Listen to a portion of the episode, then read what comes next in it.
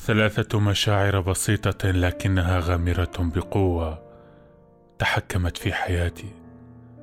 اللافة للحب البحث عن المعرفة والشفقة التي لا تطاق لمعاناة البشر. هذه المشاعر مثل العواصف العظيمة عصفت بي هنا وهناك في مسار صعب المراس على محيط عميق من الكرب. يصل إلى حافة اليأس البعيده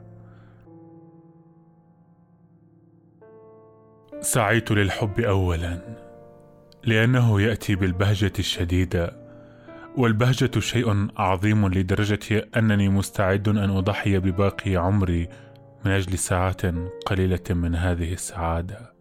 سعيت إليه اولا ولأنه يخفف الوحدة هذه الشنيعة التي تجعل الوعي المرتعش للشخص ينظر من على حافة العالم إلى الجحيم البارد المبهم الخالي من الحياة.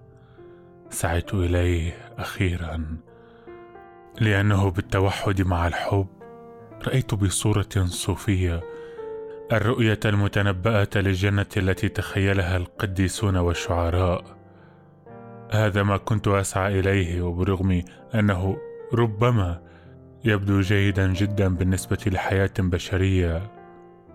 هذا هو ما وجدته أخيرا. بشغف مساو سعيت إلى المعرفة. تمنيت أن أفهم قلوب البشر. تمنيت أن أعرف لماذا تلمع النجوم. وحاولت أن أدرك القوة الفيثاغورثيه التي تسيطر فيها الأرقام على تدفق الأشياء. قليل من هذا وليس الكثير استطعت أن احققه الحب والمعرفة بحسب ما كانا ممكنين قاداني إلى أعلى السماء. والشفقة دائما ما أعادتني إلى الأرض.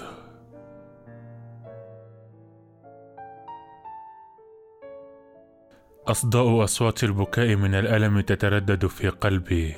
الأطفال في المجاعات. الضحايا الذين يعذبون بواسطة الظالمين العجائز والعاجزين الذين يعتبرهم أولادهم عبئا مكروها والعالم الكامل من الوحدة والفقر والألم. كل هذا يسخر مما يجب أن تكون عليه الحياة البشرية. أنا أتوق إلى تخفيف الشر واحاول لكنني لا أستطيع لوحدي.